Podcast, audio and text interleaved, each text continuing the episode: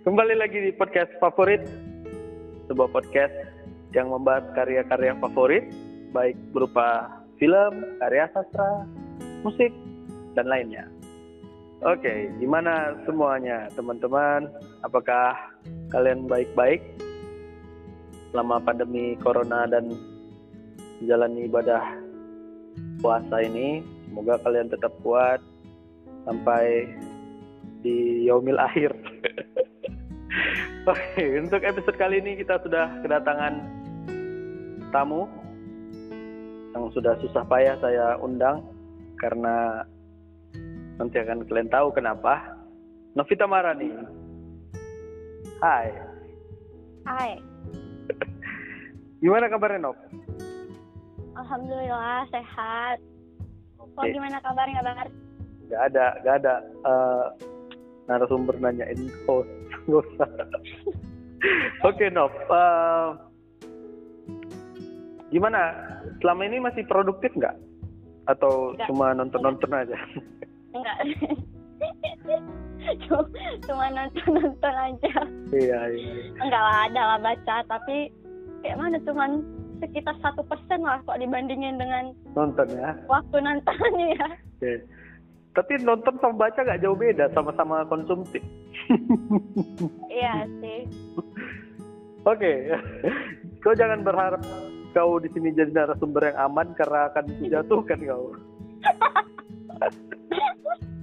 Bagaimana Anda sering menjatuhkan teman-teman ketika rapat pleno, rapat Ya. acara. Kok bahas-bahas itu? Oke, Nov. Daripada aku matiin kan. Ke, kita bahas karya sastra favoritnya. Kira-kira untuk sampai saat ini karya sastra favoritmu apa dong? Novel dulu deh, novel.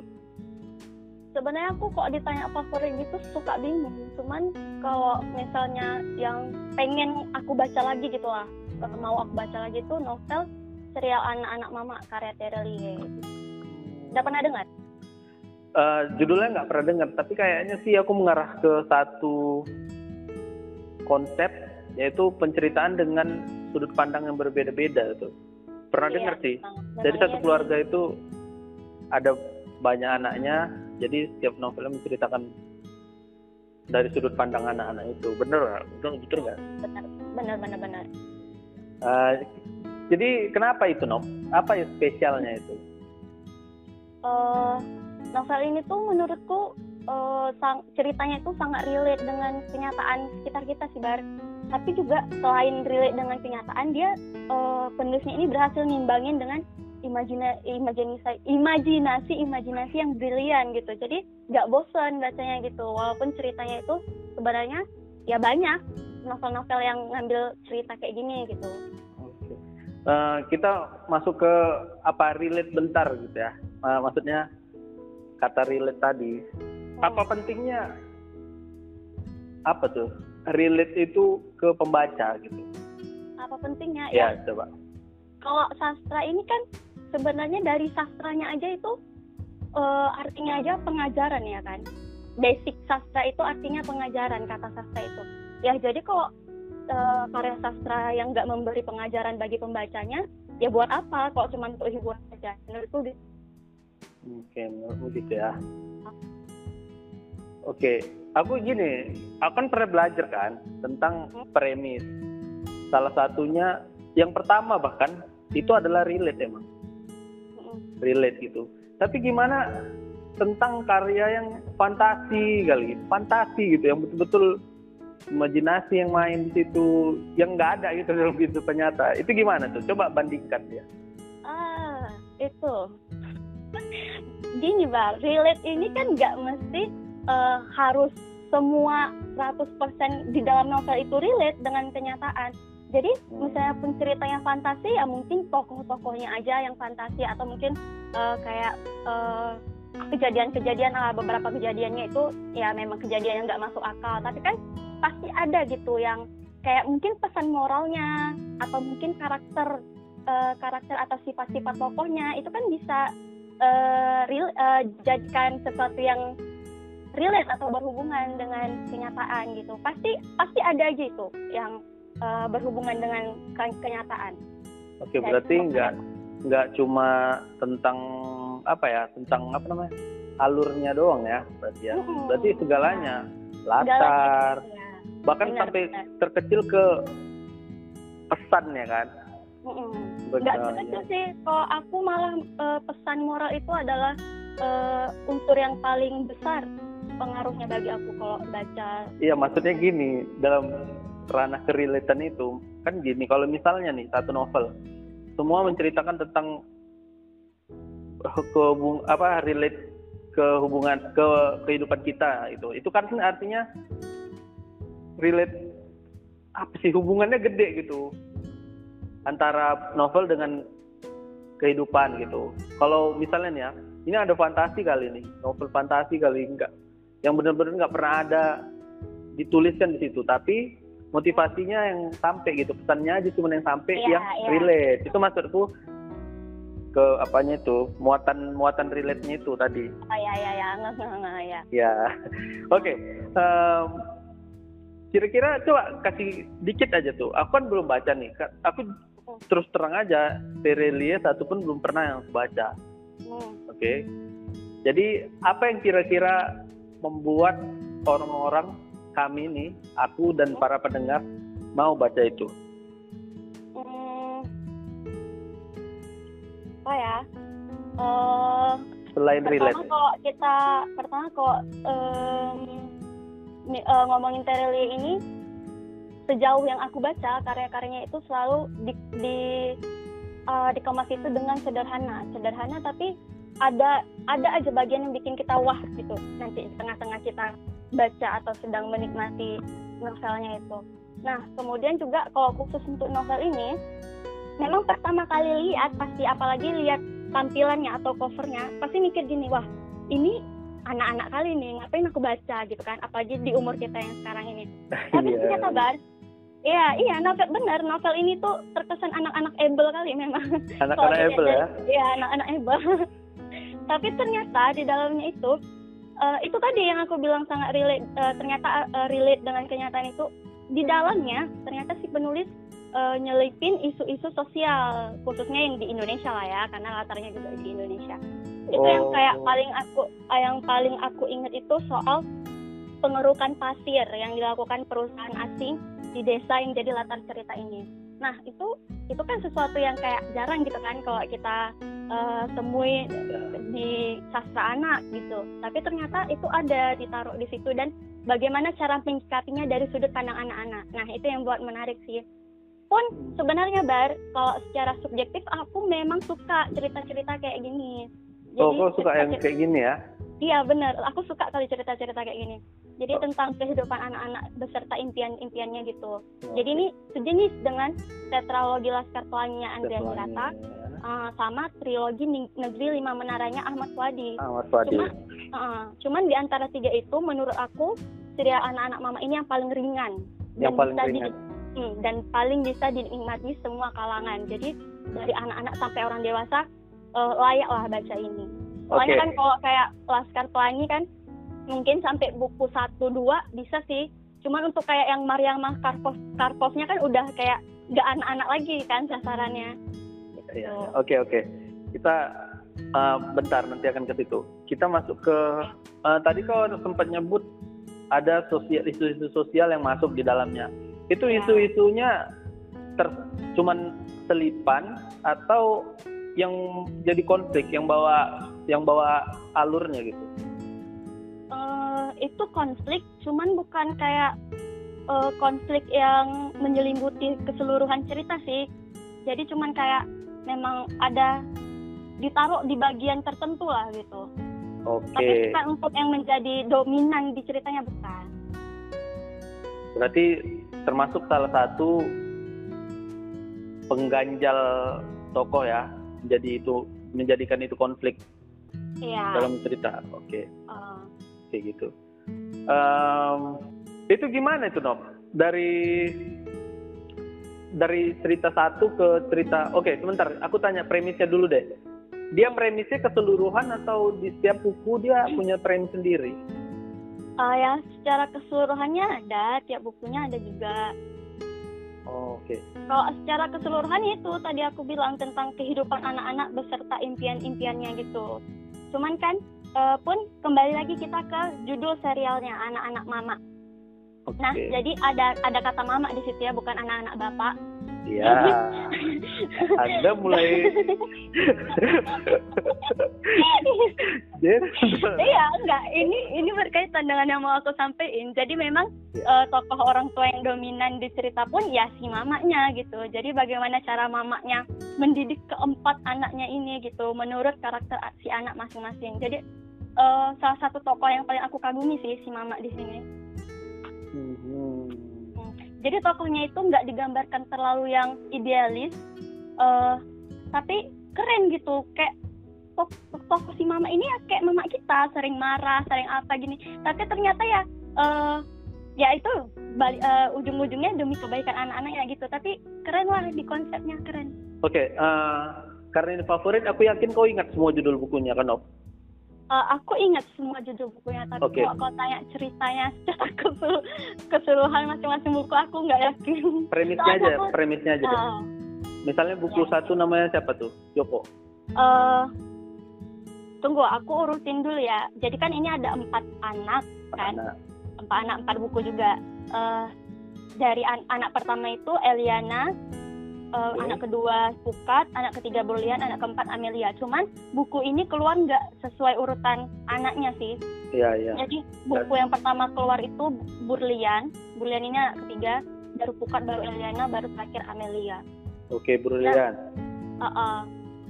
Eh, untuk yang berlian, hmm, oh kayaknya nggak nggak usah ke premis dari yang aku sampein ini udah bisa kasih gambaran sih.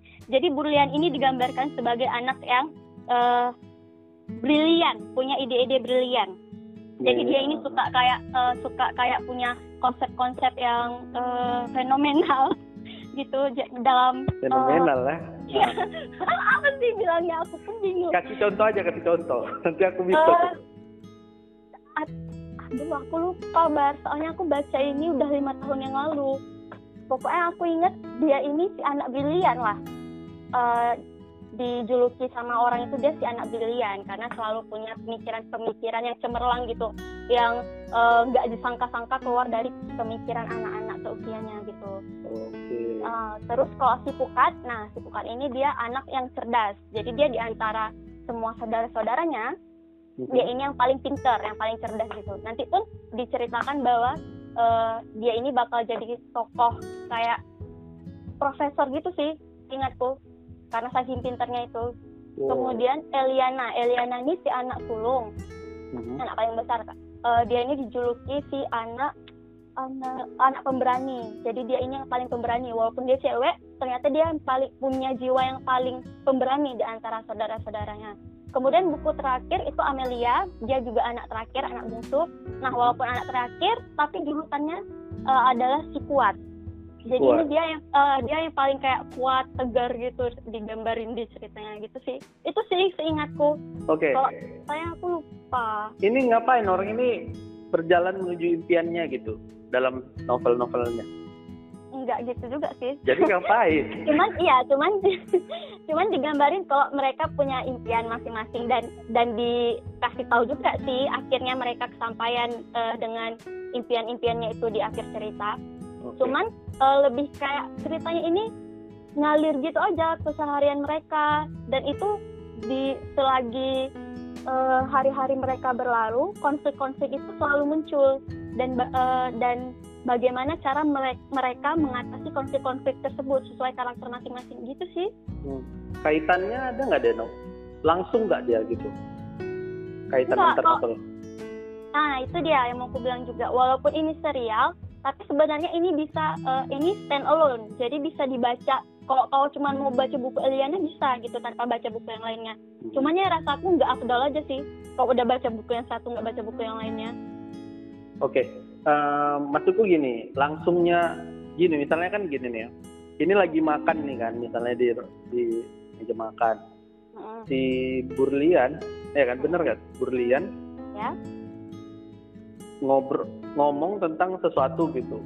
Nah, Hmm. di novel yang lain ada nggak di meja makan yang sama pada waktu yang sama gitu di uh, maksudnya adegan itu juga Iya, ada iya. mesti- oh enggak enggak enggak kayak gitu oh enggak. enggak kayak gitu ya karena itu yang sebenarnya mungkin membuat serial ini aneh gitu karena kenapa harus semua diapain gitu kan karena ada juga pernah aku dengar Hmm? aku kan kemarin pengen pengen buat cerpen kayak gitu juga dari sudut pandang ini ini ini gitu kan ada tiga kalau nggak salah Mm-mm. baru ada yang nyaranin untuk jangan kayak gitu. Karena eh, ada yang melakukan itu dan dianggap dia nggak berhasil. Itu dari situlah aku tahu ada ternyata novel dari situlah aku tahu ada novel yang kayak gitu gitu. Ternyata nggak kayak gitu Nov ya? Enggak dan dia nggak itu, langsung ya? kalau aku bilang itu tergantung sih berhasil atau enggaknya itu tergantung sih kalau aku bilang. Soalnya kayak eh, soalnya ada juga novel si Terelie yang seri seri juga Mhm. itu ya eh, nyambung memang nyambung memang nggak stand alone kayak gini. Memang dia eh, yang kayak kau bilang tadi ada kisah di buku ini dan muncul lagi di buku yang lainnya gitu. Ada bagian-bagian kayak gitu. Oh ada juga memang ya? Ada ada yang kayak gitu. Jadi mungkin untuk yang cerita kayak gini eh cerita yang ini ya memang konsepnya udah begitu. Oke ya ya ya. oh tunggu bang. Tambahan juga ini ju- judul serial anak-anak mama ini judul lama sekarang judulnya itu udah diganti jadi serial anak nusantara. Jadi kurasa kenapa diganti? Karena mencangkup itu ya? Karena kalau anak-anak mama kan cuma empat ini kan berarti nggak bisa dilanjutkan nah jadi diganti jadi serial anak nusantara biar ceritanya pun makin banyak. Dan memang iya udah ada setahu aku udah ada eh, tujuh entah delapan sekarang. Hah? udah ada tambahan iya. Dan itu tokohnya ya udah di luar empat anak ini tokoh-tokoh baru cuman masih tentang Hmm. anak-anak gitu Oke. Em, kita pindah ke cerpen, no. Kira-kira sampai saat ini cerpen apa yang masih jadi favorit?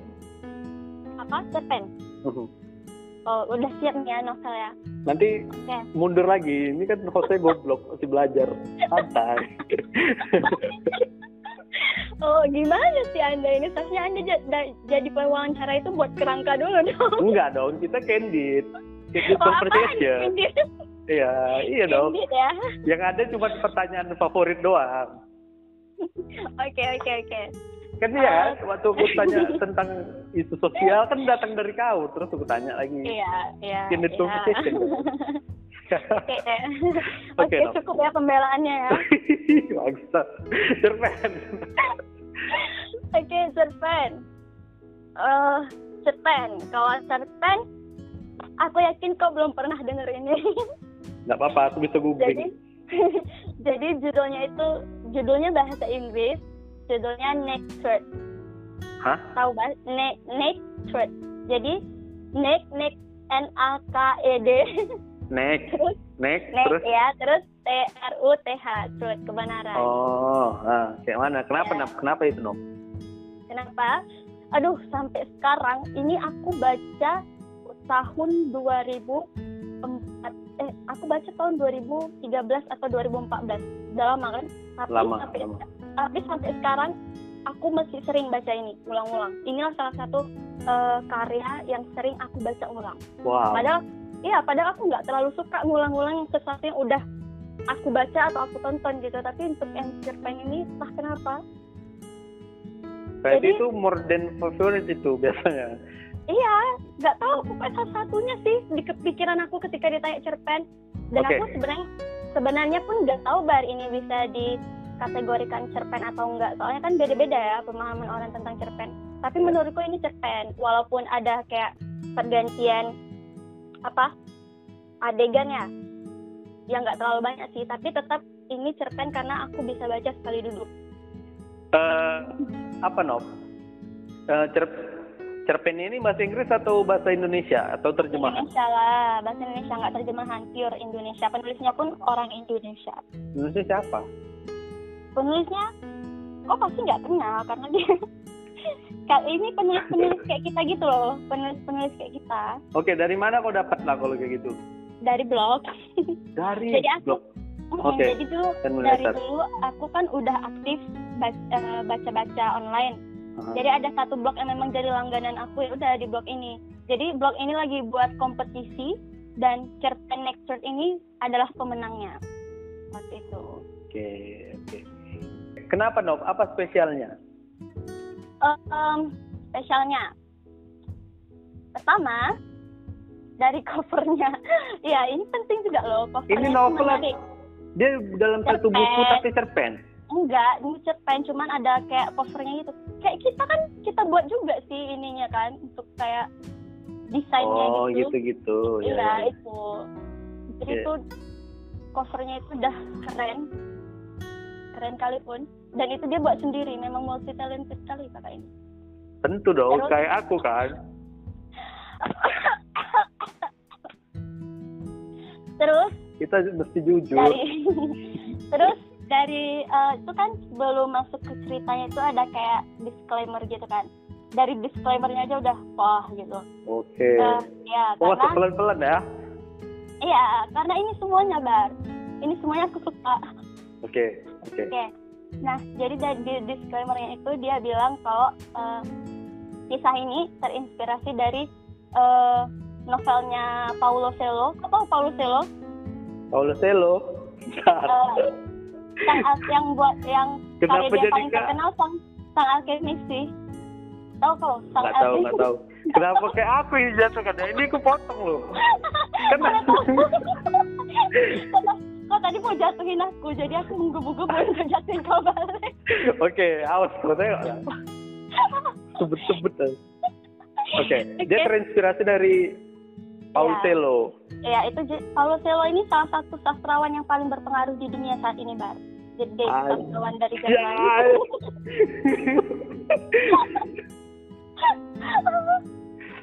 Oke, terus salah satu buku Ales, eh, Paulo Coelho itu judulnya- yang judulnya Aleph. Terus terinspirasi dia juga dari cerita eh Sibilian. Kau pernah pernah dengar nggak tokoh eh, Amerika yang pembunuh yang dibebaskan dari tu- eh, dari tuduhan-tuduhannya dengan alasan yang yang bikin masyarakat itu kesel. Padahal dia udah melakukan berbagai macam tindak kriminal, tapi ternyata dia dibebasin dengan alasan kejiwaan. Itu tokoh terkenal sih. Nah, Aku itulah dan aku pokoknya. cari nanti. Ya.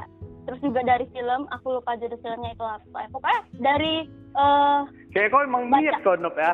Dari Iya. awal kau udah niat. Emang ini nanti aku kasih cerpen di next terus. Aku sambungin ke sana ke sini ke sana biar dia berbingung. Oke. Oke, tunggu. Iya, enggak, enggak, enggak loh. Iya, kau bilang. Oke. Oke, Oke, Dari film pokoknya apa, Nop? Filmnya aku lupa. Pokoknya film tentang psikologi gitu juga. Karena memang cerpen ini genrenya psikologi crime thriller. Tapi nggak terlalu sih Hmm. thrillernya.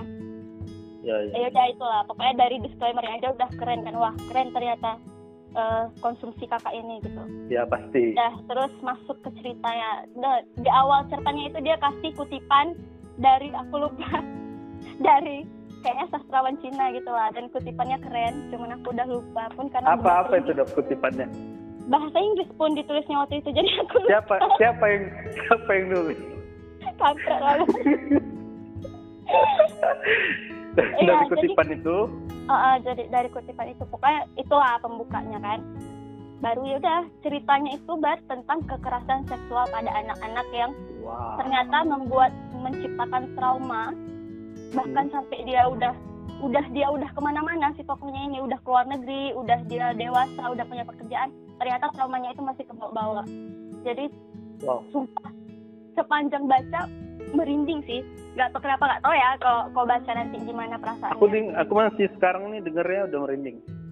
ya pokoknya eh, keren lah terus yang lebih kerennya lagi ini cerita psikologi kan Hmm. terus juga eh, kakak ini eh, ini ini adegan yang paling dominan di sini adalah wawancara antara si psikolog dengan si tokoh utamanya ini yang menderita eh, trauma ini kan Jadi wawancara gitu. Heeh, dan Awalnya. kakak ini kakak ini pinter kali sampai pembaca pembacanya itu kan aku baca komen komennya juga kan dan aku pun seperti itu sampai kami mikir itu bahwa kakak ini ya memang dia psikolog gitu karena sampai kayak detail dan dia ngerti gitu cara kayak mana mewawancarai seorang yang sedang terganggu jiwanya habis itu istilah-istilah psikologi segala macam dan ternyata dia hanya anak sastra Inggris Berarti eh, aku hapus aku hapus kata hanya anak sastra Inggris yang tertarik dengan dunia psikologi wow, wow, wow, wow. Jadi semakin tertarik untuk menonton nih. eh kok menonton. menonton Membaca, membaca. iya Ih, keren lah kau mau nanya apa lagi? Kau lah nanya apa? Aku nggak tahu mau ngomong apa. Ini tadi lu kutipan itu. kutipan? Hmm, dari oh dari Lao Laozu Oh, ada Tahu. searching ya? iya lah searching aku kayak gini dia kutipan Mea aku bacain pun mereka yang punya mereka yang punya kendali atas orang lain mungkin punya kuasa tetapi hanya mereka yang mampu mengendalikan diri sendirilah yang memiliki kekuatan sebenarnya Nice, nice. Kenceng juga internet kau ya. Oke, jadi dia kayaknya dia siap kali tuh jadi penulis ya. Karena kan penulis itu nggak hanya mati-mati di baca buku sastra ya kan. iya Kalau dia nulis, dia berarti dia siap riset segala macam. iya iya keren lah Kayak yang dilakukan gila. Oke, aku pengen baca itu, Wak. tolong kau kasih. Terus Ya. nanti Oh. link aja, link aja biar kita bagi Tunggu. nanti. tunggu sepertinya kau akan ragu setelah aku ngomong yang bas- yang ini bagiannya Apa-apa. ini adalah ini termasuk ini termasuk fanfiction jadi K-pop fanfiction jadi Oh my god. jadi tokoh-tokohnya itu minjem nama dari idol-idol Oh. nah cuman tokohnya aja sih Oh my god. segitu nilai membaca kau hanya dari tokoh-tokohnya kau udah nggak membaca Contohnya namanya siapa tuh? Kim Yong. enggak lah itu karena ini cerita udah lama pun jadi ya idol-idol zaman dulu aku pun nggak terlalu tahu sih Apa Lee Minho? enggak lah tahu Lee Min Ho itu bukan idol dia itu aktor tolong Iya aktor ya. dia, aktor dia emang. nah tolong dibedakan Dia cuman yang ku ingat namanya kalau laki-laki. Yang perempuan Yona. eh tapi kau memang tipe kebanyakan orang sih kok ditanya Korea itu Lee Min Ho kalau nggak Siwon Aku gak perempuan kenal Siwon juga sih. Lee Min Ho aja cuman. Iya, Lee Min Ho Oke nanti kita bahas ke part musik apa ya? Kayak apa? Kayak drama. oke Oke. Kalau kau punya waktu ini masih lama sejam lagi. Oke Nom. Ehm, jadi teman-teman pendengar tolong dengerin Necros itu dari penjelasan Nopi yang sangat persuasif kita harus baca. Aku sih langsung baca. Nanti kita kasih linknya ya. Bisa Nop? Bisa bisa Nanti kau kirim linknya ke aku, baru aku sebarin linknya beserta link podcast ini. Oke. Kita Oh, move on ke apa lagi Nop? terus ini padahal ini cerita bukan yang kayak eh, untuk melo-melo drama gitu nggak ada adegan yang melo-melo tapi eh, aku nangis baca ini apalagi waktu ba- eh, bagian si tokoh ini ceritain tentang masa lalunya itu waktu dia kecil itu. Padahal dia cuma ceritain ceritain gitu aja dan bahasa-bahasa yang biasa aja.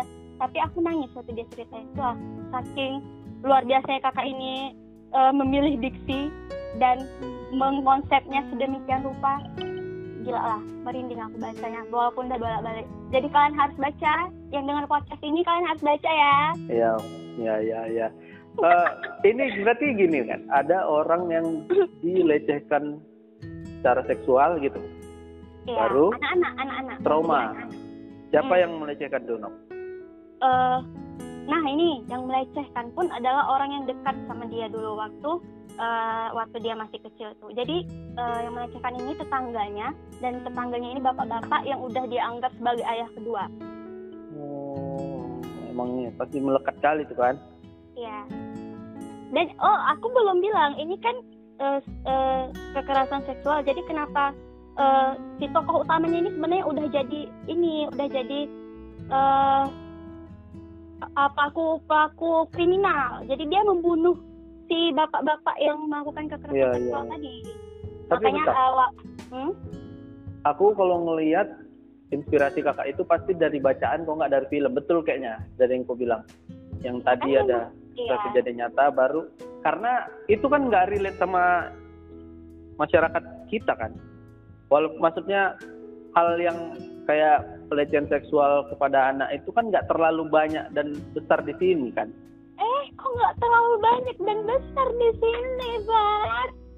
kasih contoh lah Aduh, Bar, kekerasan seksual pada anak-anak itu sama juga di sini dengan wanita. Bukan nggak banyak. Kalau dibandingin- nggak- nggak- maksudnya tapi gini nggak terekspos gitu aja sih, kalau menurutku di Indonesia ini. Nah itu dia yang membuat nggak relate kan. Kalau misalnya misalnya kasusnya banyak gitu, kayak di Amerika bullying itu kan Hmm. jadi terangkat kali gitu. Hmm. Kalau aku sering tuh nonton film yang nonton nonton ya karena kan baca aku udah agak udah goblok aku sekarang. Hmm. Nonton film yang kayak gitu, dia punya masalah kekerasan yang dilakukan kekerasan seksual yang dilakukan oleh ayahnya, pamannya gitu-gitu. Tapi di jarang aku lihat aku dengar kabarnya di Indonesia sih. Mungkin kalau kau bilang nggak terekspos ya, mungkin kayak Mungkin. gitu. Mungkin karena ini, karena nggak nggak banyak yang diangkat ke dalam film. Itu dia bedanya. Ya karena aku baca berita.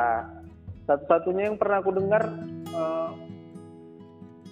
ada anak berapa bulan gitu. Itu kan gila itu namanya. Maksudnya gitu loh, Nop. Dikit ya nggak terlalu besar kayak di luar negeri.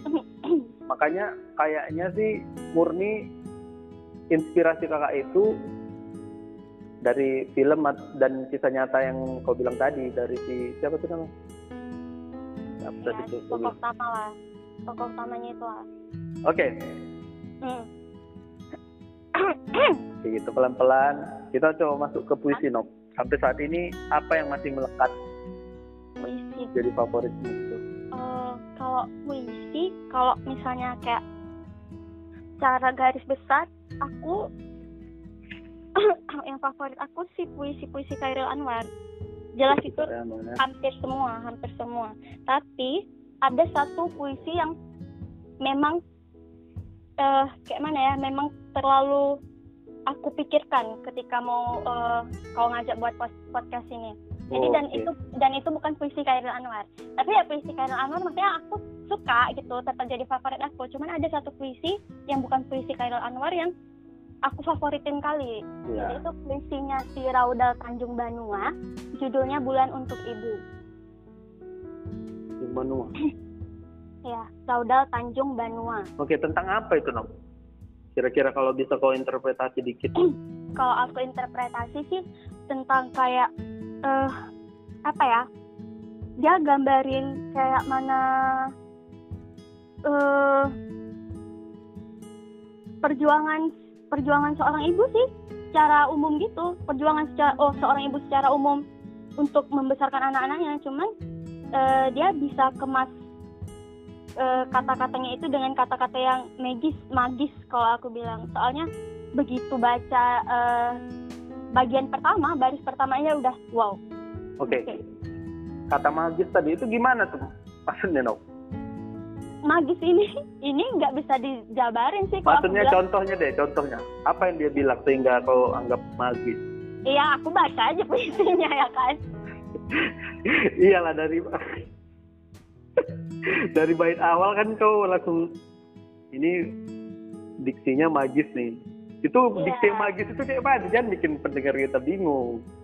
Iya magis ini tergantung pembaca sih bar kalau misalnya pembaca mikir dia bisa kasih kesan magis ya berarti magis menurut dia menurut aku ini magis karena kayak aku bacanya itu langsung kayak tersihir gitu berarti kan mengandung kesan magis menurut aku Oh gitu ya. bagi aku ya kalau ternyata kau baca biasa aja ya berarti nggak sampai ke kau atau menurut kau nggak seperti itu gitu karena kan kalau kita baca eh, kita ngomongin sastra ini susah kita bilang ini bagus pun belum tentu bagus bagi orang gitu Nah kan itu dia makanya aku tanya tadi yang magis itu gimana? iya Berarti yang kena ke maksudnya iyalah bisa membuat kita merasa tersihir dengan kata-katanya Mm-mm, gitu ya. Iya, jadi eh, eh, bait pertamanya itu kayak gini. Anda Ibu, sudah melakukan Eh, testing. Ibu di tubuhmu yang tabu untuk kusentuh, kulabuhkan ingatan keparat dan menyesakkan demi sebaik puisi yang menjadikan engkau bulan. Nah, sebenarnya aku Waduh. eh, aku ini sih aku wahnya itu dia pakai kata keparat.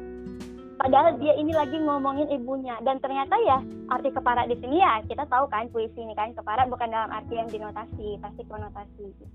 Nggak pasti kan sebenarnya tapi. Ya, uh-uh. Tadi judulnya apa? Coba biar kita denger, eh, biar kita baca sama-sama terus coba kita interpretasi sama-sama. Apa tadi judulnya? Nok? bulan untuk ibu. Ya, jadi ini kemarin tuh kan ada kompetisi baca puisi tentang ibu gitu kan. Jadi aku searching-searching apa puisi yang relate dengan ibu dan aku nemu ini. Dan dari situ aku jadi sering kalau disuruh bacain puisi, apalagi yang eh, nyangkut-nyangkut ibu atau perempuan, aku sering kali bawain puisi. Jadi udah beberapa kali lah aku baca puisi. Oke, teman-teman. Kita Nopi akan baca puisi Eh, eh, eh, eh, eh. bulan untuk ibu. itu itu nggak ada di kesepakatan ya. kita ada segmen soalnya, Ada. Nop. Ada Nggak, segmen nggak. baca. Nggak ada, nggak ada. Ya udah itu nanti di segmen lain. Nanti itu. Betul ya? Oke. kau jangan coba menipu aku, Bar. Emang aku lihat sih di bait, bait pertamanya Ibu di tubuhmu yang tabu untuk kusentuh, kulabuhkan ingatan keparat dan menyesakkan demi sebaik puisi yang menjadikan engkau bulan. Bagus sih. Dia nggak mencoba cari diksi-diksi yang harus dicari di KBBI, ngerti nggak? Iya, iya ngerti, ngerti, ngerti. Iya. Pernah nggak sering nggak kau jumpain itu kata-kata yang Sering, sering. aduh kayak sulit sekali pahami mesti nengok KBBI gitu Dan terkadang puisi-puisi yang kayak gitu malah bikin aku males. iya sama Gak tahu kenapa, gak tahu kenapa malah bikin aku males gitu. jujur dulu aku juga kayak gitu waktu aku dulu nggak banyak nggak banyak baca puisi yang lain gitu Hmm. aku terpengaruhnya dari novel masaan aku terpengaruh nulis puisi dari novel Ya, bisa aja sih. Kan aneh tapi novelnya novel per novel lah itu yang banyak apa ya? Banyak unsur sainsnya. banyak unsur sainsnya kan aneh. Jadi itulah tadi banyak yang nulis puisi teman-teman. Coba kalian kalau misalnya ini sebenarnya puisi bebas kan terserah. Tapi kayak Novi aja dia eh, males dengar puisi baca puisi yang kayak gitu gitu. Iya. yang kalian aja harus aku pernah jumpa satu orang Nop Hmm. Hmm. dia ikut lomba puisi kan. Dia tanya ke aku gimana puisi ini? Pas ku tutup kan ku baca bentar kan. Ku tutup ku tanya ini arti apa? Dia nggak tahu kan aneh. Itulah kadang terkadang demi mereka ini nganggap biar lebih estetis gitu dan mereka jadinya jatuhnya memaksakan kalau aku bilang.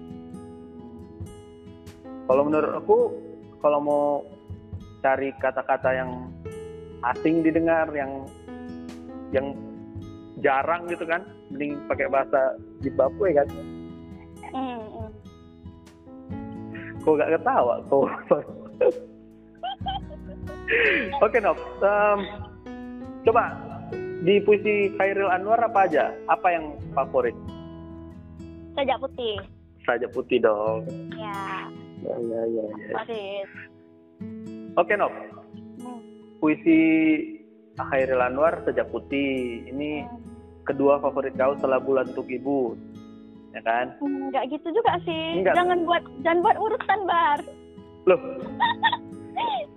Gini Nop. Aku kasih kau satu pertanyaan simple. Nop apa karya favorit apa puisi favoritmu sampai saat ini? Kau nggak nyebut Sajak Putih. Kau nyebutnya bulan untuk ibu. Berarti itu yang nomor satu dong kan ya oke lah, oke. berarti nomor dua Sejak Putih dong Ya oke Khairil oke. Anwar sip, iya iya iya. sip. jadi menurut Nopi Hmm, puisi bulan untuk ibu hmm. lebih favorit dibanding Sajak Putihnya Khairil Anwar Kok kok kayak giring opini kayak orang lagi mau giring opini. Ya. Oke. Eh, masuk ke novelis favoritmu, Nop. Terelie kah atau siapa?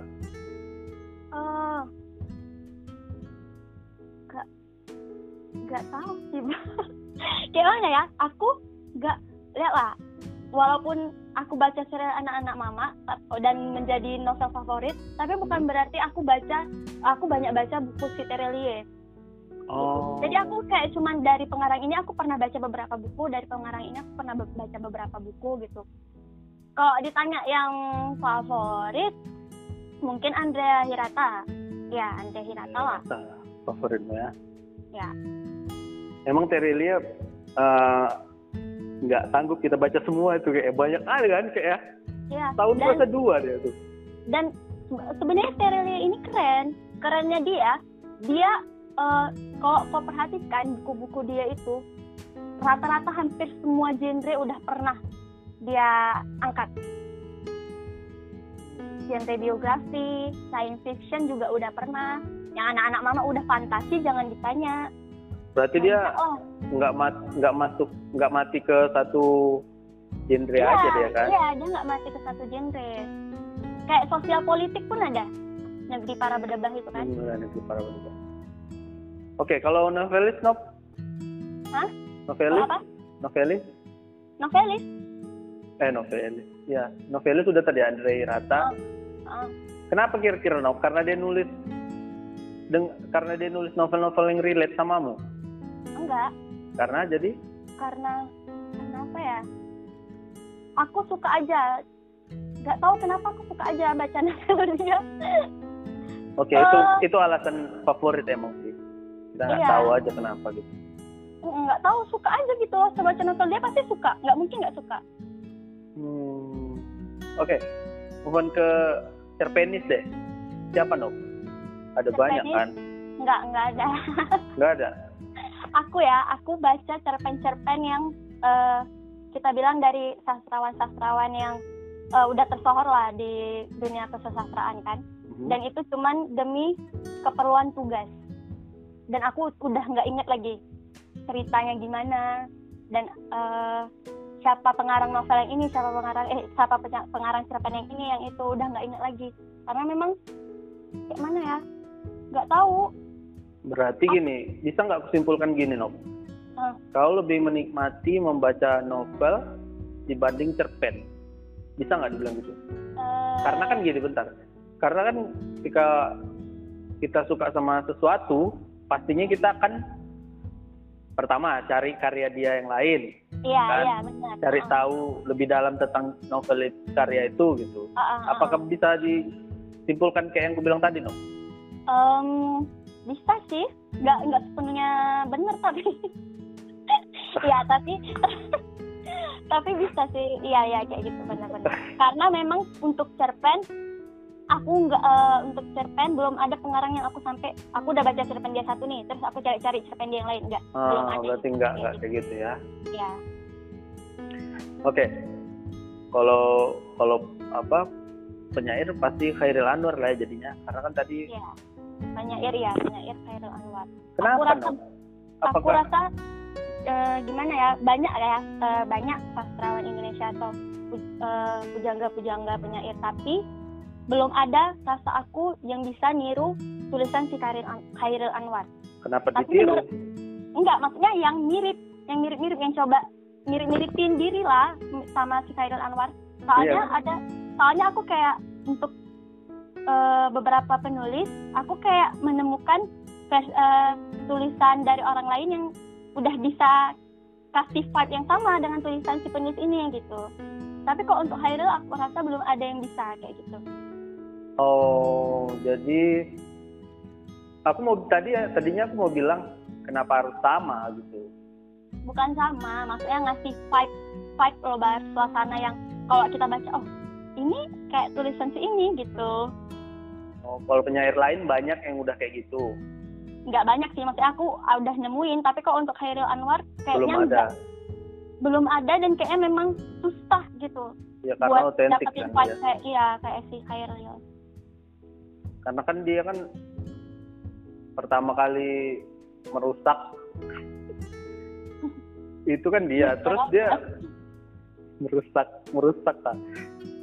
Terus kan dia pun dipakainya masih bahasa Melayu, Hmm, ya kan? Itulah mungkin salah satunya. hmm. Oke oke. Jadi tadi oke teman-teman untuk episode ini tadi ada novel serial anak-anak mama atau serial anak Nusantara ya. Mm-mm. Cerpen tadi ada Next Truth dari siapa tadi Nop penulisnya? Namanya Tirza, tapi dia pakai nama pena. Sodin Sodonimus namanya. Sodom Sodomimus. Iya, susah ya gitu ah. Agak sulit ya. Baru kalau puisi ada puisi Bulan untuk Ibu. Ya, itu baca itu kawan-kawan. Jadi ada gunanya podcast ini. Baru untuk favorit si Nopi tadi Andre Hirata, coba cari cari karya-karyanya. Legend sih itu memang. Baru kalau cerpenis belum ada yang terlalu menjadi favorit. Ya Nop ya. Kalau puisi uh, penyair Khairil Anwar. Oke, em, itu tadi bahan-bahan bacaan kalian. Semoga kalian mendapatkan apa ya dibilang ilham atau inspirasi bacaan dari favorit si Nopi. Jadi itu keren-keren udah aku sebutin. Oke, semoga hari-hari kalian oke. Puasa, pandemi corona, badai pasti berlalu teman-teman. Amin. Ya pasti. Walaupun kita belum tahu kapan sampai saat ini dan pemerintah tampaknya gelagapan lah. bisa dibilang. Oke, Eh, sekian podcast favorit Lingkar Bahasa episode ke-8 dengan Novita Maharani. Semoga tetap baik-baik ya Nov. Semoga lancar semuanya dan Ya. produktif tentunya. Juga kalian-kalian Ya. pendengar jangan konsumtif aja. Oke. Sampai jumpa di episode ke-9. Ada Rangga Surbakti. Kita bahas film favorit di situ. Oke dan bye.